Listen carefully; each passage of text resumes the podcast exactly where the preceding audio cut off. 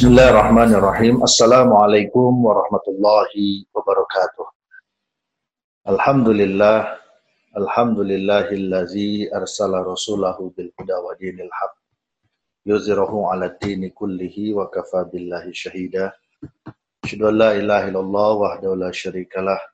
Wa asyhadu anna Muhammadan abduhu wa rasuluhu la nabiyya ba'da. Allahumma salli wa sallim ala sayyidina Muhammad آله وأصحابي الكرام وسلم تسليما كثيرا ما بعد. قال الله تعالى في القرآن الكريم وهو أصدق القائلين أعوذ بالله من الشيطان الرجيم بسم الله الرحمن الرحيم. يا أيها الذين آمنوا كتب عليكم الصيام كما كتب على الذين من قبلكم لعلكم تتقون. صدق الله العظيم. Hadirin pemirsa Basnas TV yang dirahmati Allah Subhanahu wa taala. Alhamdulillah kita panjatkan puji dan syukur kehadirat Allah Subhanahu wa taala.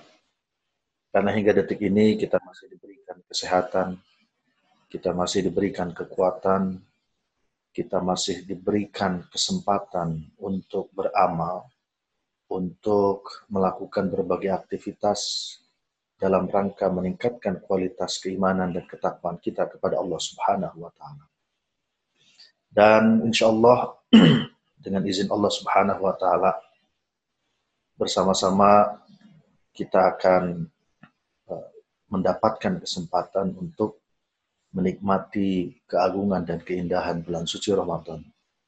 Ini adalah bulan yang penuh dengan kemuliaan, bulan di mana Al-Quran diturunkan, bulan di mana semua kebaikan akan dibalas dengan balasan yang berlipat ganda.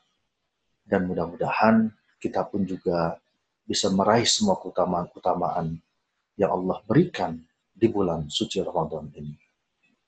Dan tentu saja hari ini pada saat yang bersamaan kita juga berhadapan dengan situasi dan kondisi yang tidak pernah terbayangkan sebelumnya. Yang tidak pernah kita pikirkan. Paling tidak sejak Indonesia merdeka atau bahkan kalau saya pribadi sejak saya lahir baru dalam situasi kali ini kita berhadapan dengan kondisi yang sangat luar biasa dahsyat di mana ada anjuran untuk kita mempersedikit ya, keluar rumah kalau tidak perlu-perlu banget gitu ya mempersedikit ya frekuensi untuk keluar rumah berinteraksi dengan masyarakat, ya, berinteraksi dengan klien, pelanggan, dengan kolega dan sebagainya. Nah, ini adalah eh, situasi yang memang menurut saya ini adalah salah satu bentuk ujian. Ujian yang sangat berat dari Allah Subhanahu wa taala, yaitu ujian berupa pandemi Covid-19 yang hari ini sudah uh, apa sudah terjadi ya pandemi Covid ini sudah menyerang lebih dari 200 negara di seluruh dunia menginfeksi lebih dari satu juta orang. Ya, ini adalah satu kondisi yang sangat uh, dahsyat dan uh, ini akan memberikan efek yang sangat luar biasa sehingga kita bisa melihat bagaimana dari uh, efek yang ditimbulkan dari pandemi COVID ini sangat mempengaruhi kondisi kehidupan masyarakat. Ya, baik efek secara kesehatan, ya, di mana uh, virus ini telah memakan korban yang cukup banyak, kemudian juga efek dari sisi sosial ekonomi, ya, di mana banyak sektor dalam perekonomian yang kemudian terdampak secara serius, ya, seperti sektor pariwisata, sektor transportasi, terutama transportasi udara, Nah ini kan di antara sektor-sektor dalam perekonomian yang terdampak secara signifikan dengan sebab pandemi COVID ini. Ya, jadi kita berhadapan dengan situasi yang berat seperti ini, yang tentu ini juga akan mempengaruhi cara kita beribadah di bulan suci Ramadan. Karena sampai dengan hari ini, eh, pandemi COVID, ya kalau kita melihat tren data di Indonesia, tren datanya masih menunjukkan adanya peningkatan. Ya, jadi peningkatan yang sangat signifikan ya dalam uh, bentuk grafik ya kalau grafik itu secara eksponensial. Jadi peningkatannya secara eksponensial. Kita berdoa kepada Allah Subhanahu wa taala mudah-mudahan dengan wasilah ibadah saum yang kita laksanakan ini maka mudah-mudahan ini bisa kemudian mengundang pertolongan dan intervensi dari Allah Subhanahu wa taala sehingga pandemi Covid ini bisa segera berakhir dengan cepat dan Allah cabut ya dari muka bumi, dari kehidupan kita dan semoga kita semua bisa uh, kembali sehat ya, kembali pulih ya, baik secara individu, keluarga, masyarakat maupun juga termasuk uh, pulih secara perekonomian. Pemirsa bahasa CV yang dari Allah Subhanahu wa taala. Tentu walaupun situasi pandemi Covid yang kita hadapi ini sangat berat. Bahkan eh, beberapa daerah zona merah sudah memperlakukan PSBB ya seperti di Jakarta, ya, kemudian di eh, Bogor ya dan beberapa daerah lainnya ya sudah diberlakukan eh, PSBB pembatasan sosial berskala besar.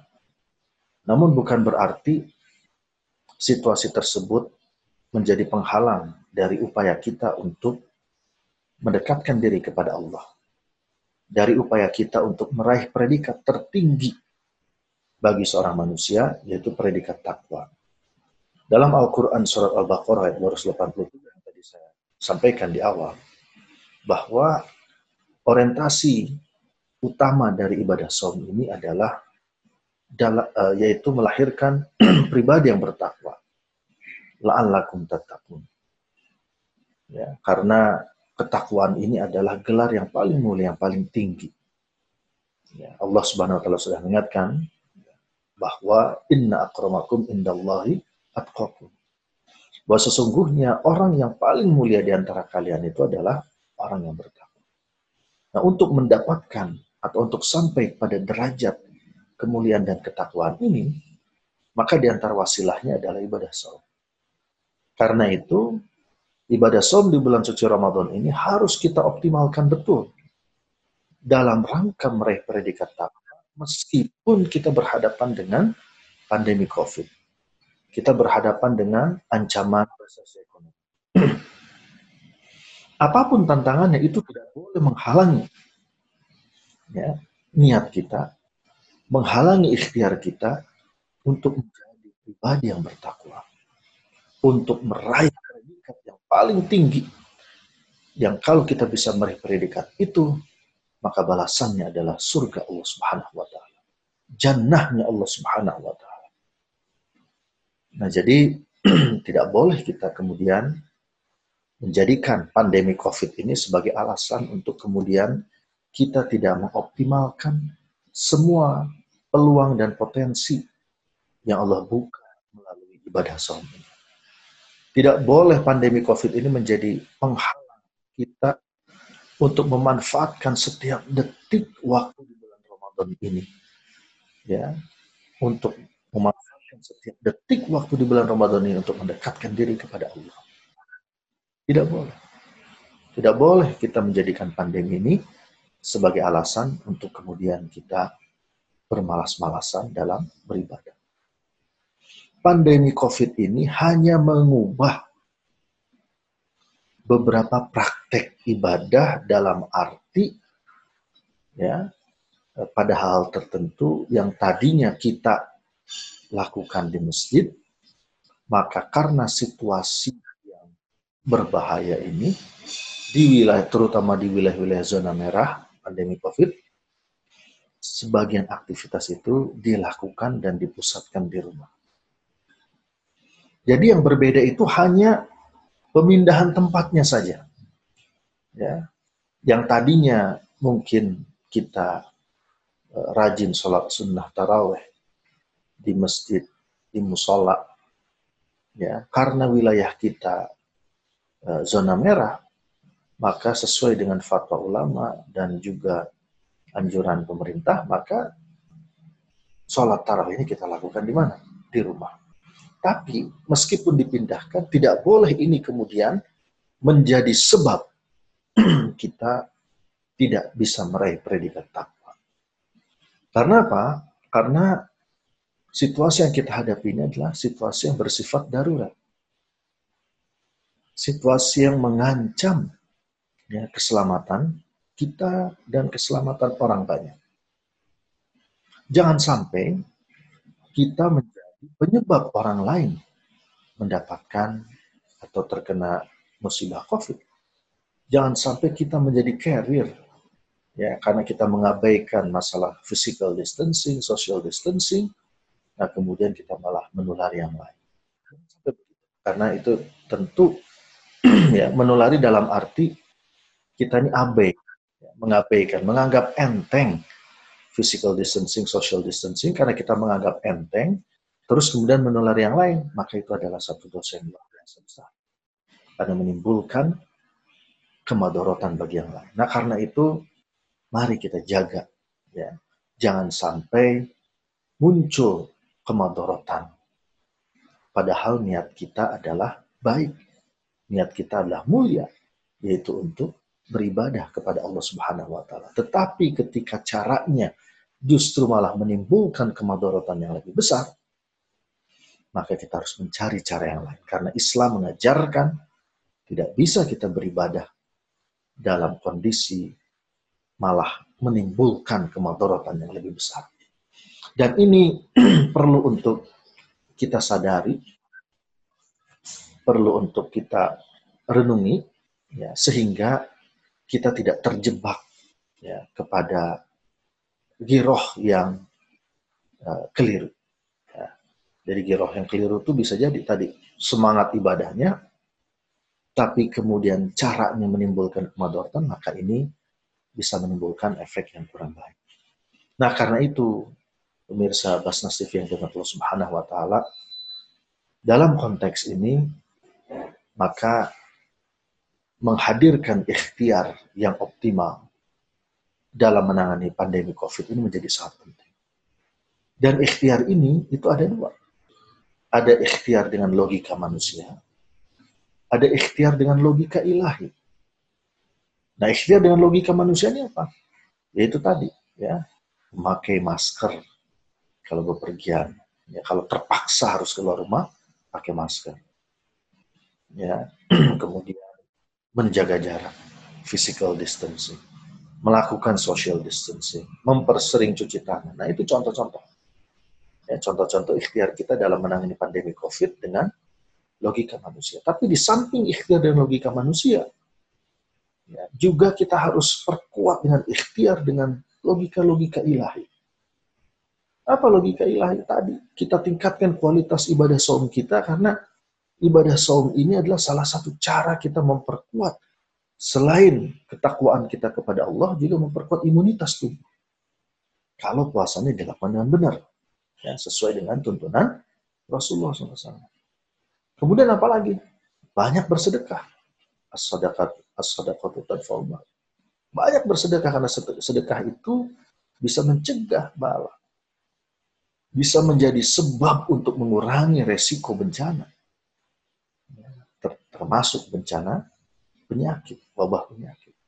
Nah ini hal-hal seperti ini yang kemudian harus kita hadirkan. Dan bulan Ramadan ini harus kita jadikan sebagai momentum untuk mengakselerasi ikhtiar-ikhtiar tersebut.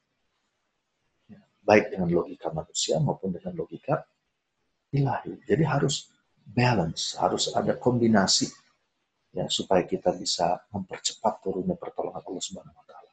Nah, tentu berikutnya disertai dengan doa yang sungguh-sungguh. nah, karena itu pemirsa Basnas TV yang dirahmati Allah Subhanahu wa taala. Bagaimana cara kita menjadikan Ramadan 1441 Hijriah ini tetap menjadi Ramadan yang terbaik dan lebih baik dibandingkan Ramadan-Ramadan sebelumnya. Karena prinsip kita sebagai seorang yang beriman, jadikan Ramadan itu sebagai Ramadan yang terbaik pernah kita lakukan.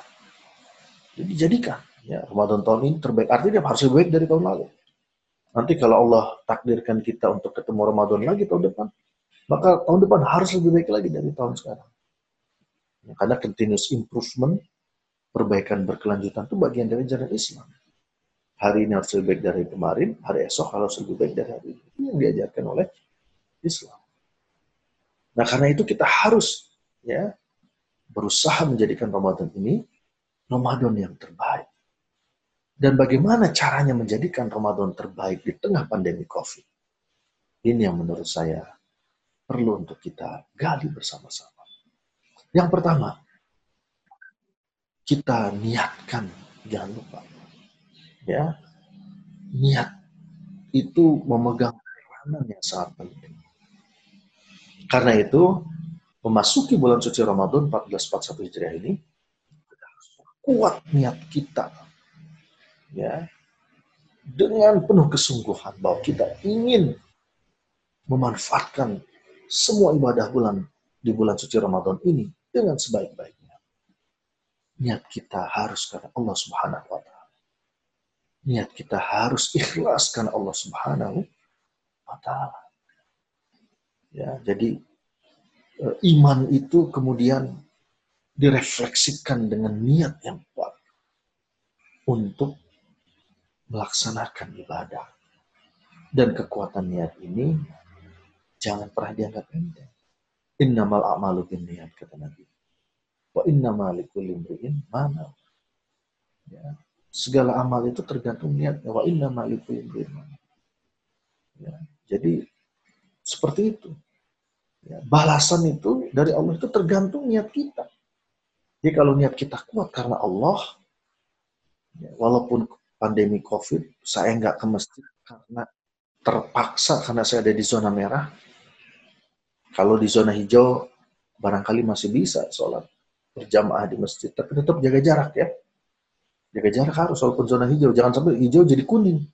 Kuning jadi merah, na'udzubillah, jangan sampai.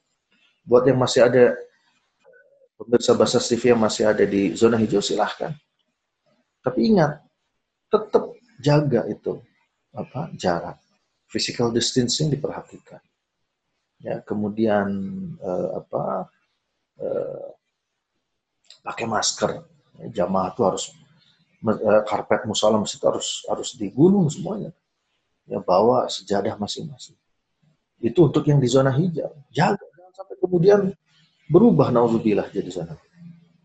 Nah, buat yang ada di zona merah, maka menghindari kemadorotan itu sangat dianjurkan dalam ajaran Islam.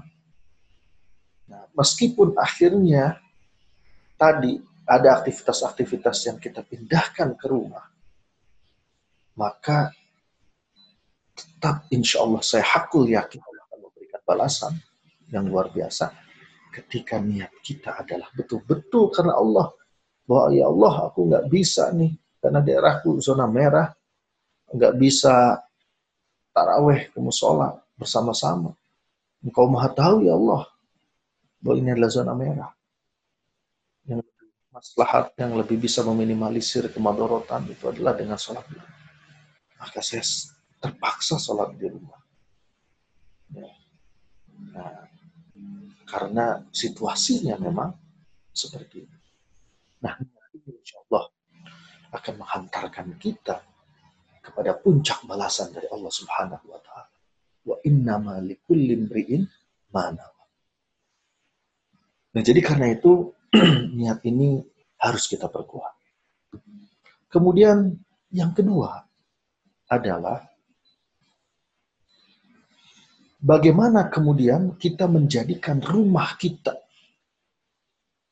rumah kita ini sebagai pusat utama, pusat aktivitas ibadah di bulan suci Ramadan ya dan di tengah situasi pandemi Covid. Ya kita tentu sebagai orang beriman harus berpikir positif kita tidak boleh berpikir negatif, apalagi berburuk sangka dengan Allah.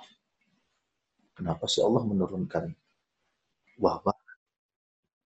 Apa sih maunya? Itu nggak boleh begitu. Nggak boleh kita berburuk sangka kepada Allah. Karena berburuk sangka kepada Allah itu adalah bukan ciri orang yang beriman. Tapi kita harus senantiasa husnuzon kepada Allah kita lihat apa hikmahnya, kita tinjau dari sisi positif. Barangkali di antara hikmahnya itu adalah Allah ingin merekatkan kembali hubungan kekeluargaan kita yang mungkin renggang. Kadang-kadang seorang suami karena sibuk bekerja dalam sebulan buka puasa di rumahnya hanya dua tiga hari saja. Mungkin hanya empat hari pertama. Setelah itu mulai buka bersama. Berbagai macam acara dari berbagai uh, undangan ya sebagainya akhirnya justru malah renggang. Mungkin seorang istri karena kesibukan aktivitasnya, ya di rumah waktunya menjadi kurang. Seorang anak dengan kesibukan kalau dia mahasiswa, keorganisasian, sibuk di badan eksekutif mahasiswa, sibuk di himpro, sibuk di berbagai aktivitas. Dan akhirnya begitu kembali ke rumah, Rumah hanya sebagai tempat transit, ketemu sementara, sebentar, dialog sebentar, setelah itu semua tenggelam dengan aktivitas masing-masing. Hari ini kita diajarkan, diuji bagaimana sesungguhnya ketahanan keluarga itu. Nah karena itu, mari kita optimalkan rumah sebagai pusat ibadah. Ya. Bukan berarti dengan diam di rumah, dengan stay at home ini kemudian kita juga ikut-ikutan diam. Kerjaan kita hanya tidur dan tidur. 20 jam tidur. Bukan. Dari rumah, rumah itu bukan alasan untuk kemudian kita tidak produktif. Dengan di rumah kita masih bisa, ya sangat bisa untuk tetap produktif dan mengelola aktivitas kita dengan baik. Nah, jadi ini perlu penting Mari jadikan rumah-rumah kita sebagai pusat-pusat ibadah, sebagai masjid-masjidnya Allah Subhanahu wa taala. Perkuat kualitas hubungan kita dengan keluarga. Ibadah bersama dengan keluarga. Salat bersama dengan keluarga. Tadarus bersama dengan keluarga. Salat tahajudnya pun kalau perlu berjamaah bersama keluarga. Ajak istri, anak Sholat bersama-sama. Tarawehnya bersama-sama. Sahur, buka bersama. Di rumah. Maka kita akan menemukan keberkahan. Kemudian yang ketiga, di tengah suasana pandemi ini, maka yang tidak boleh kita lewatkan kesempatan, the golden moment, adalah Jangan lupa ziswaf. Zakat, infak, sodako, dan wakaf. Jangan lupa. Suasana lagi sulit. Iya justru dalam suasana seperti ini, ya Allah akan akan melihat apakah kita ini bertakwa atau tidak karena di surat Ali Imran ya 133 134 ketika di ujung 133 Allah uh, mengatakan widat lil taqim ya ya siapa yang sebut orang mutakin yang bertakwa itu?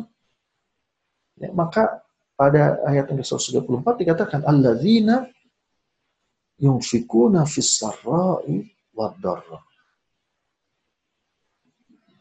Jadi orang yang suka berbagi dalam keadaan lapang, senang, maupun dalam keadaan susah, sulit.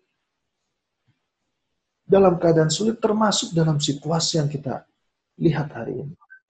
Ya, jangan sampai kita lewatkan momen kita untuk berbagi.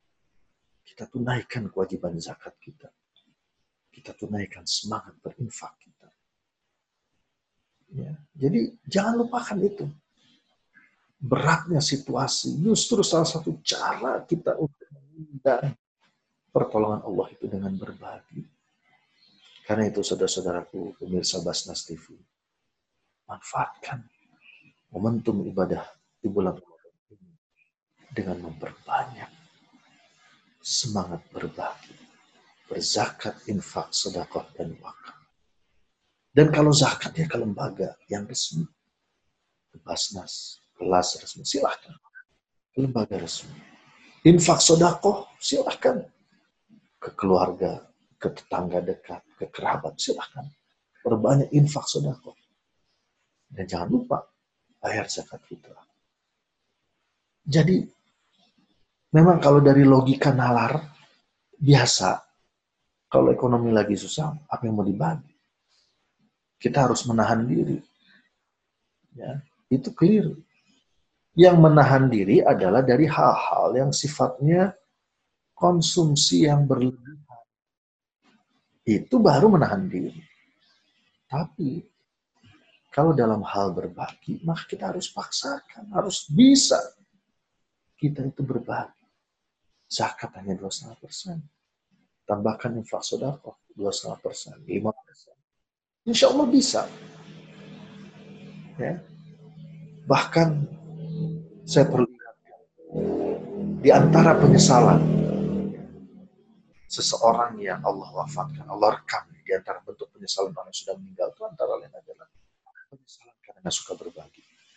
Di surat 63 ayat 10, di situ Allah merekam Ya, bagaimana bentuk penyesalan? Rabbi laula akhartani ila ajalin qarib fa saddaqa wa Ya Allah, coba engkau tangguhkan aku sedikit aja. Ya. Kematianku ditangguhkan sedikit. Fasodak, pasti aku akan bersedekah, aku akan berbagi, aku akan tunaikan kewajiban zakat di fasodakahku. Dan aku pasti masuk dalam kelompok orang-orang yang soleh. Karena itu, manfaatkan ini dengan berbagi. Kemudian yang keempat, mari kita produktifkan ya hari-hari kita di bulan Ramadan dengan memperbanyak ibadah-ibadah. Tadarus Al-Quran. Usahakan kita perbanyak, persering membaca Al-Quranul Karim. Ya, kita perbanyak ya untuk menebar kebaikan. Jadikan medsos kita sebagai sarana dakwah kita. Walaupun gak mesti kita ini harus jadi ahli tafsir dulu untuk menebarkan manfaat, hikmah, kandungan dari Al-Quran. Mari kita jadikan medsos kita sebagai senjata untuk dakwah. Kita jadikan semua akun-akun kita adalah akun-akun yang memunculkan syiar, mengajak orang pada kebaikan. Itu harus kita lakukan. Jadi jadilah ya muslim mukmin yang produktif di bulan suci Ramadan. Dari rumah bisa menulis, nge-tweet, ngevlog ya dengan konten-konten dakwah dengan konten-konten kebaikan itu silahkan kita perbanyak kita lakukan nah kemudian yang berikutnya yang juga harus kita lakukan adalah bagaimana kita memanfaatkan golden golden moment yang ada dalam bulan Ramadan yaitu antara lain malam Lailatul Qadar Nah, khusus ini saya mengajak pada kita semua untuk mari kita melihat situasi. Kalau ternyata sampai sepertiga terakhir dari bulan suci Ramadan ini ternyata situasi yang berat, maka kita niatkan untuk beriktikaf. Ya, walaupun di rumah. Niatkan saja. Allah Maha tahu. Kalau kita tidak bisa ke masjid atau ke musola dengan sebab ancaman COVID-19 karena kita ada di zona merah, maka kita niatkan saja untuk beritikaf meskipun di rumah. Dan kita bangun suasananya di rumah. Dibentuk suasana. Ya, tidurnya jangan di tempat tidur. Misalnya, contoh. Tapi kalau sakit atau sudah usia atau karena kondisi tertentu tidak bisa tidur harus di tempat tidur ya itu silahkan. Tapi contoh misalnya tidurnya di karpet di ruang tengah, ya buat kayak suasana uh, seolah-olah sedang ada di musola, begitu, ya. Nah itu contoh. Persedikit tidurnya, bangun jam satu setengah dua, tahajud, baca Quran, berdoa, meminta kepada Allah Subhanahu wa Ta'ala. Nah, kemudian yang bisa kita lakukan juga dalam rangka menjadikan Ramadan sebagai bulan produktif adalah walaupun secara fisik barangkali kita tidak bersilaturahmi langsung, tapi silaturahmi online menurut saya bisa kita terus berkuat. Sudah banyak sekarang aplikasi-aplikasi yang memungkinkan kita bertemu ya, secara online. Nah, jadi silaturahmi tetap dijaga. Ya, karena itu silaturahmi adalah bagian dari ikhtiar kita ya, agar usia kita dipanjangkan, rezeki kita diberkahkan, ya, agar kita bisa menjadi pribadi yang bermanfaat. Jadi ini beberapa hal yang bisa saya sampaikan terkait dengan upaya kita untuk memanfaatkan momentum bulan Ramadan. Dan ingat, Ramadan ini adalah bulan pembakaran. Karena asal kata Ramadan itu artinya adalah membakar. Apa yang dibakar? Semua dosa kita. Semua sifat buruk kita. Semua kemaksiatan bakar di bulan Ramadan ini.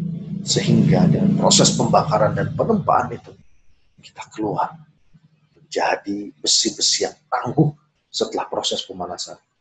Menjadi manusia-manusia yang bertakwa. Dan jangan lupa bahwa ciri orang yang ibadahnya diterima oleh Allah Subhanahu wa taala. Al Hasan Al Basri rahimahullah min ketika dia menjadi pribadi yang lebih baik.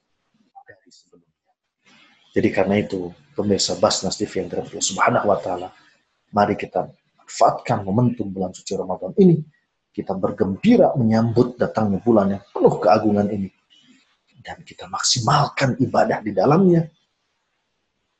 Salat, wajib dan sunnah, baca Quran, berbagi, berzakat, berinfak, semuanya ya, kepedulian kepada tetangga, semuanya kita perkuat dengan penuh semangat, dengan penuh kegembiraan, dan tetap berada di rumah bagi mereka yang berada pada kondisi zona merah. Ya, jadi karena itu ini saya kira penting untuk kita sadari bahwa di rumah pun kita masih tetap insya Allah bisa produktif. Mari kita wujudkan baiti jannati. Rumahku adalah surgaku. Dan terakhir, jangan lupa berbagi, jadikan sebagai bagian dari gaya hidup. Mari kita berzakat. Insya Allah, zakat yang ditunaikan oleh kita akan dikelola oleh lembaga yang terpercaya. Itu insya Allah ujungnya akan memberikan keberkahan demi keberkahan. Jangan ragu untuk berzakat dan lembaga-lembaga yang terpercaya. Insya Allah, jika ini kita lakukan, mudah-mudahan pertolongan Allah segera menghampiri kita dan mudah-mudahan Allah angkat pandemi COVID-19 ini.